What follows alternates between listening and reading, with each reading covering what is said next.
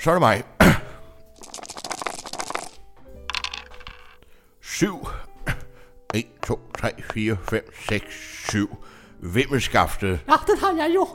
ja, Og så skide heldigt Lurifax. så det er øh, 550 kroner. 550 og 550, det er sgu penge alt sammen. Ja, tak for det.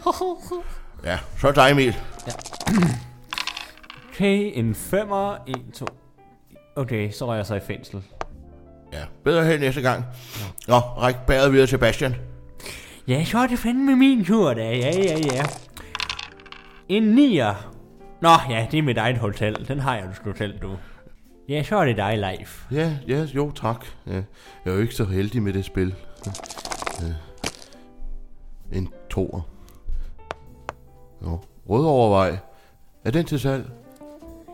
Uh, ja, lad mig lige se. Uh, ja, den kan du stadig købe. Uh, har, du, har du nogen penge derovre? Åh, nej. Nå. Ja, Nå. nå, det var ærgerligt. Ja, så er præsten. Ja, kom med bæret. Ja, tak. En femmer. En, to, tre, fire, fem. Nå, chancen prøv lykken. Ja. Nå, lad os se, hvad der står her. De har lagt penge ud til sammenskudskilde. Mærkværdigvis betaler alle straks. Modtag for hver medspiller 500 kroner. Så hit med gysserne. Ej, det er fandme for meget, altså. Værsgo, præst. Du får altid de der heldige her. Ja, tak. Flere til bunken. Ja, også dig, Bastian. Hit med kysserne. Ja, fandme, jeg skal lige se det kort der først, hva'? Ja. Simon, stoler du ikke på mig, så læser du på det kort. Nå ja, okay, den er god nok til at se, hva'? Ja, her er de så pindene, hva'? Ja, tak.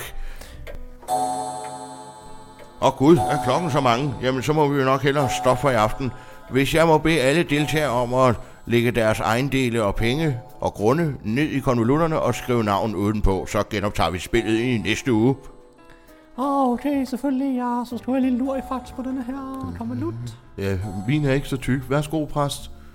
Ja tak, ja tak. Jeg samler til bunke herovre. Ja, det bliver hyggeligt næste gang. Så får jeg jer fandme der. så skulle du sgu tage tidligt op, Bastian. Ja, tak. værsgo da. Det var hyggeligt. Jamen, øh, tak for i aften jeg alle sammen. smutter også videre da så. Jeg skal lige ned en gang på stationen og lige tjekke om ham lømlen, han stadig er buret inde. Hej, hej du. Jeg har lure i faktisk også gerne sige tak for i aften. Jamen, så vil jeg da også lige gå en aftentur med Molly. Det var hyggeligt. Hej. Nå Emil, det er dig, der lukker og slukker, er det ikke det? Jo, det er vist mig. Ja. Og det, det var da en hyggelig aften. Så fik vi øh, spillet lidt Matador og Ja, ja, jo, jo, det kan man da godt sige. Jeg er jo vant til lidt forretninger på den måde, så det er jo lidt, jeg er jo lidt på hjemmebane. Ja, ja, ja, det er du jo. Ja, det er det. Men altså, Lurifights, han er da helt væk. Altså, han vil kun købe de grønne grunde. Altså, han går udenom alle de andre. Der står slet ikke den strategi, han kører med. Nå, men han har et eller andet med farven grøn. Han har også drukket 12 grønne sodavand, Emil. Han er blevet til 12. Ja, ja. Jeg har skrevet ned, så han kommer til at betale. Han er altså lidt speciel, Lurifights. Altså, jeg ved sgu ikke... Øh... Jamen, Det har jo heller ikke altid været lige nemt at være lurifax, Emil. Hvad, hvad, hvad mener du med det? Der er jo sider af lurifax, som du ikke kender til, Emil. Altså sider, hvad, hvad mener du med det? Men der var jo en gang, hvor lurifax ikke var kommet til Svaneborg. En gang, for længe siden, fik et ungt og forelsket par den største velsignelse, man kan få som menneske. Et kærlighedsbarn. Og det var den smukkeste baby, sovnet havde set. Men pludselig, Det har jeg sgu ikke set før, du. Der kommer sgu et barn til. Nu skal du sgu lige presse på, du. og få minutter senere,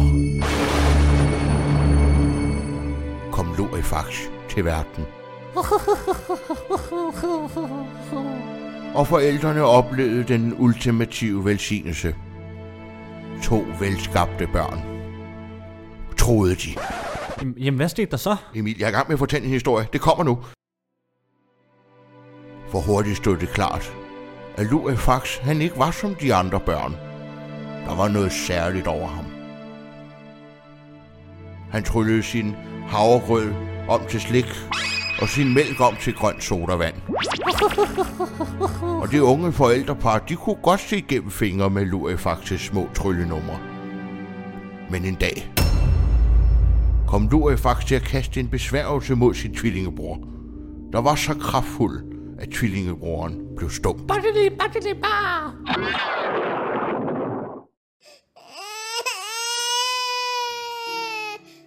Og en tragedie havde ramt det lille hjem. Forældrene så ingen anden udvej, end at bortadoptere Lurifax. Og en mørk aften efterlod de ham på trappen til et børnehjem. De efterlod simpelthen bare Lurifax. Altså, nu stopper du, Emil. Det ene barn efter det andet blev adopteret. Ensom og forældreløs sad Lurifax gang på gang slukøret tilbage. Indtil den dag, hvor den store, mægtige troldmand Mystifus befriede Lurifax fra livet som forældreløs. Han tog Lurifax i lære og lærte ham at tøjle sin magi. Nej, nej, Lurifax. Ikke biggeli boggeli bi. Biggeli boggeli bu. Og alt, hvad Lurifax lærte, skrev han ned i sin store tryllebog. Se nu der, Lurifax. Du kan jo alt muligt.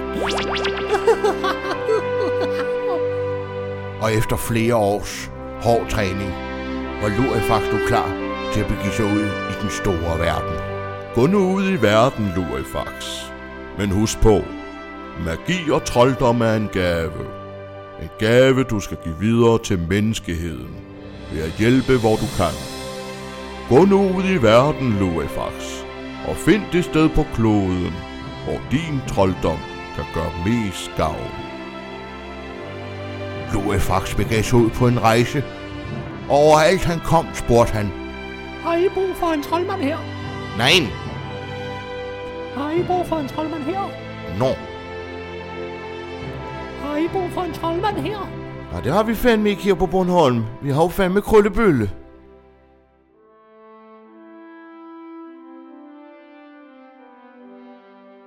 Slukøret og tomhændet måtte Lurifax vende tilbage til den mægtige troldmand Mystifus. Jeg kan altså slet ikke finde et sted, hvor de har brug for min magi, Mystifus. Jeg kender måske det rette sted, Lurifax.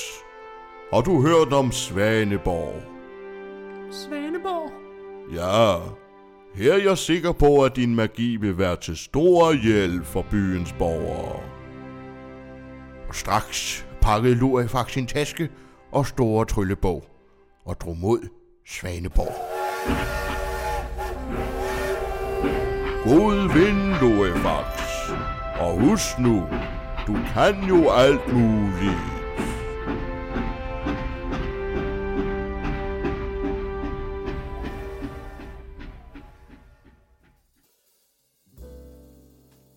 Hold nu kæft for en historiepræst. Ja, det har jo ikke altid været lige nemt at være Lurifax. Nej, det må man nok sige. Det var også derfor, vi skal jo også bære lidt over med ham en gang imellem, Emil, ikke? Jo. Han vil jo bare gerne hjælpe og gøre, hvad han kan, ikke? Og med sin trylleri og den slags. Også selvom, at det ikke altid går, ja, efter bogen. Det går ikke altid, som, som det skal med det trolleri der. er. Det går ikke altid, som præsten prædiker. Præst, øh, jeg har bare tænkt, altså med live, ikke? Er det et trick? At Hvad for han, noget? at han overhovedet ikke køber nogen runde på noget tidspunkt, mens vi spiller? Altså, gør han så dårlig med vilje, eller hvad? Hvad mener du? Jamen, han har slet ikke købt nogen øh, grunde overhovedet. Han, han købte et, et, det der skibsværk, og hver gang jeg lander på det, jeg lander på det tre gange, og han har ikke bedt om penge endnu. Jamen altså, Emil Matador handler jo om meget mere end blot at købe grunden, ikke? Det handler også om at hygge sig og have det rart og være en del af et fællesskab, ikke? Ja, du forsvarer ham altid, altså. Jeg forstår ikke. Leif, han har ikke altid haft det nemt, Emil, vel? Og tro mig, Emil, der er sider af Leif, som du ikke kender til. Hvad er det for nogle sider, du snakker om nu? Jamen, inden Leif kom til Svaneborg, der var han en stor mand. En verdenskendt mand, Emil. Du burde behandle ham med lidt mere respekt, hvis du vidste, hvad han har oplevet og opnået med sit liv. Jamen, altså, hvad, hvad, er det, hvad er det, du mener med at opnå hvad? Altså, Leif er måske den største kunstner af os, alle sammen. Nå. For der var jo en gang, hvor Leif ikke var kommet til Svaneborg.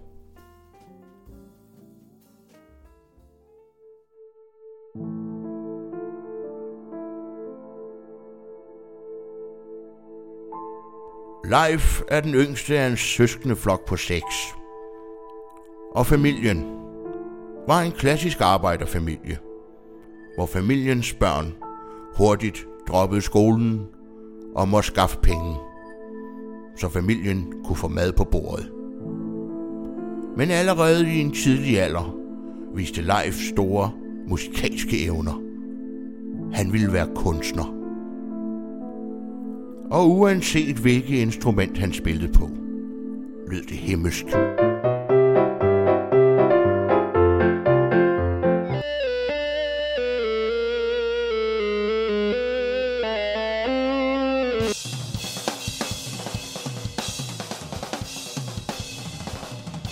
Men det var violinen, han blev forelsket i.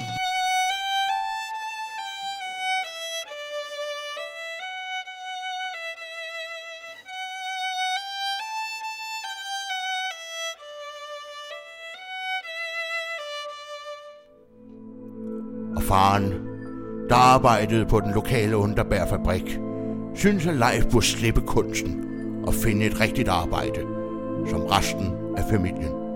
Hør nu efter, Leif, på hvad din far siger. Du skal droppe den violin.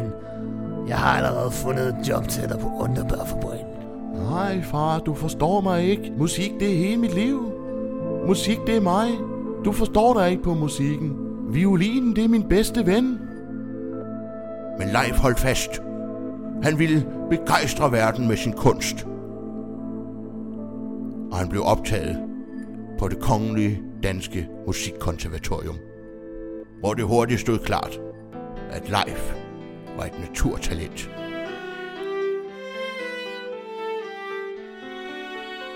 På årgangen mødte han Birgitte. Birgitte, der blev hans helt store kærlighed. De fandt hinanden i musikken. De spillede violin sammen, dag og nat. Da Leif begyndte at spille duet med Birgitte, så gik det op for ham, at han ville være verdens bedste violinist. Men den beslutning faldt ikke i god jord hjemme hos arbejderen, hjemme hos faren. Hvis du snakker mere om den violin, så klipper jeg fandme strengene af den. Du kan hilse mor og sige, at jeg flytter sammen med Birgitte. Og det unge og forelskede par besluttede sig for at forevige deres kærlighed ved at sige ja til hinanden i Guds navn. Og ni måneder senere fik Leif og Birgitte den yndigste datter. Men straks efter fødslen måtte Leif drage afsted på turné. Han skulle ud i verden og spille på sin violin.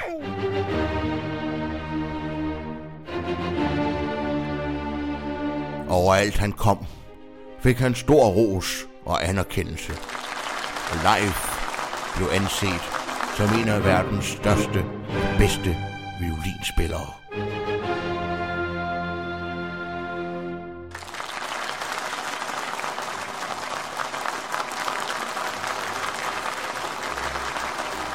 Men da han kom til London og skulle spille for en fyldt sal, hvor blandt andet dronningen og hele den musikalske elite var samlet, gik klappen ned. Der spredte sig en skuffelse i salen. Leif fik sceneskræk.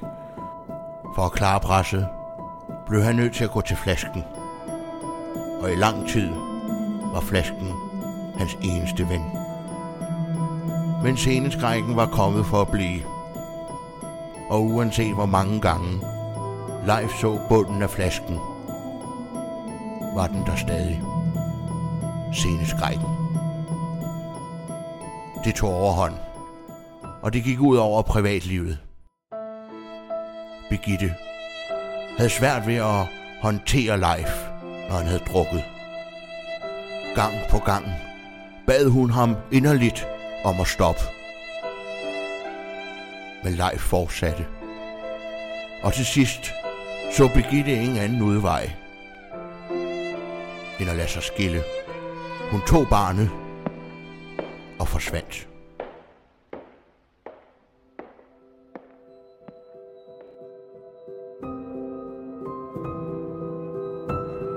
Årene gik, og Leif gik langsomt mere og mere i hundene. Det var svært at forstå, at den store og verdenskendte violinist nu var endt som vagabond. Folk vidste ikke længere, hvem han var. Hans identitet forsvandt langsomt. Til sidst, for at overleve, så han ingen anden udvej end at sælge sin elskede violin. Men det var ikke nok. Leif kæmpede for at få noget at spise hver eneste dag. Alt håb var ude, og han var tæt på at gøre en ende på sit liv.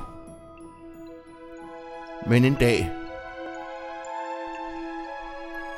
da Leif sad helt ensom, kom en firbenet skabning ham i møde med loverne hale. Det var en Golden Retriever valp. Jeg tror, jeg vil kalde dig Molly.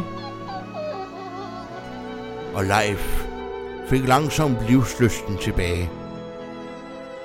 Og sammen besluttede de sig for at drage ud i verden og give livet en ekstra chance.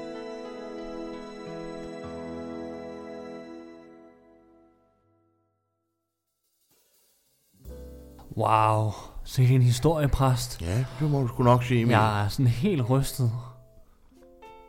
Jamen, så skal du tænke på det, at Leif jo... Ja, man skal jo ikke altid skue hunden på hårene, vel?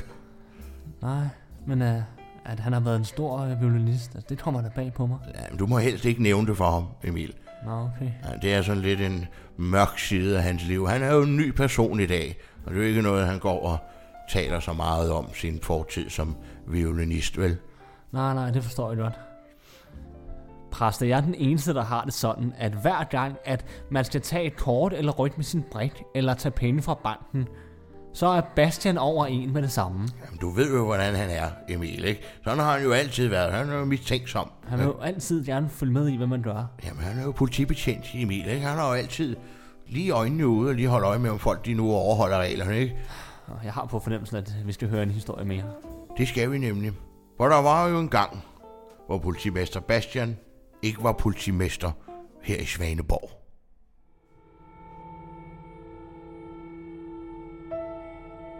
For Bastian, han var fars dreng. Bastians største held var hans egen far, som også var politimand og en stor en af slagsen i København. En af de mest berygtede gadebetjente i de københavnske gader. Og allerede da Bastian var en helt lille dreng, så han med det samme op til sin store og stærke far. Far, du er stor og stærk. Jeg vil gerne blive ligesom dig. Ja, det forstår jeg godt, min søn. Og derfor vil jeg gerne give dig denne her bøsse i gave, så du kan komme med mig ud på anden jagt i næste uge. Bastian lærte at skyde med bøssen, og de tog på anden jagt. Og om natten tog de ud og fangede banditter. Tag dem så, Bastian.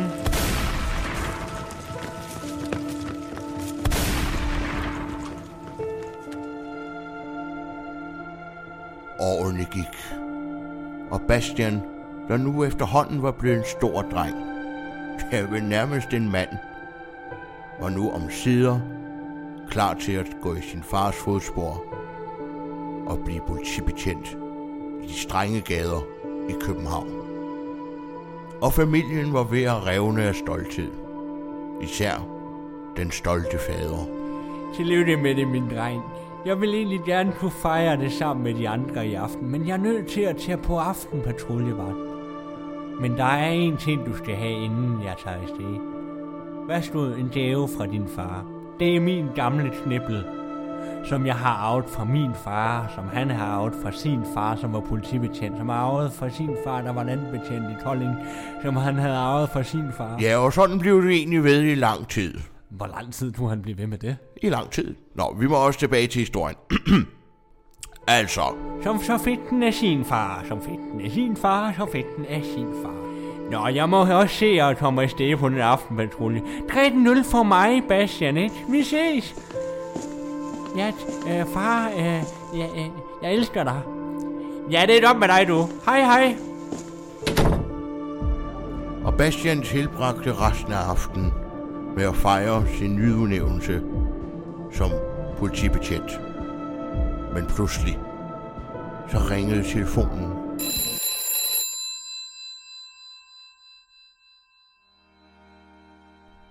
Bastians far var død. Slået ihjel af en kynisk politimorder midt på gaden under en patrulje. Den koldblodige morder nåede at stikke af, og en uretfærdighed ramte Bastian. Hvordan kunne hans fars morder gå frit rundt derude?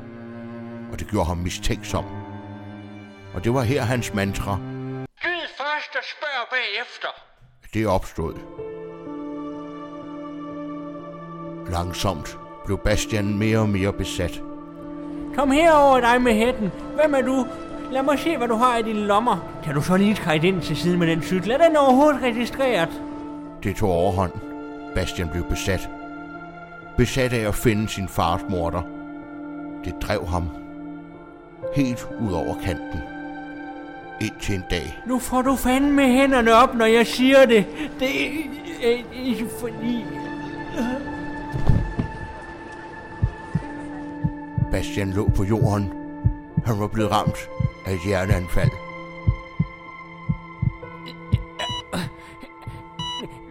Nu bliver jeg ramt af et hjerteanfald. Far, så ses vi snart igen. Men sådan skulle det ikke gå. Langsomt kom Bastian til hægterne igen. Og i samråd med politidirektøren besluttede de sig for, at Bastian havde brug for at blive landbetjent. Og der var tilfældigvis en stilling ledig som politimester i Svaneborg.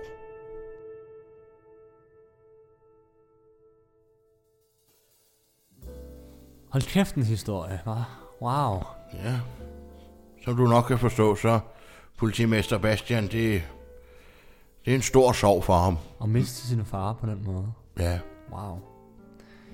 Og de har jo ikke fundet morderen. Og han var stadig frit. Han er stadig derude et sted. Jamen, det er godt, det er langt væk fra Svaneborg i hvert fald. Nå, klokken er også ved at blive mange, Emil. Jeg synes, at pressen er ved at være lidt småtræt, Emil. Men kan vi ikke lige få din historie også? Hvordan er du kommet til Svaneborg? Åh, oh, puha Emil, klokken er ved at være mange. Jeg tror, jeg skulle lige have vil smutte hjem i præstegården og få den sidste. Men øh, du lukker og slukker, Jeg ikke? har aldrig fundet ud af, hvad du hedder. Uh, Hej. Så gik han. Det ved, hvad præsten egentlig hedder.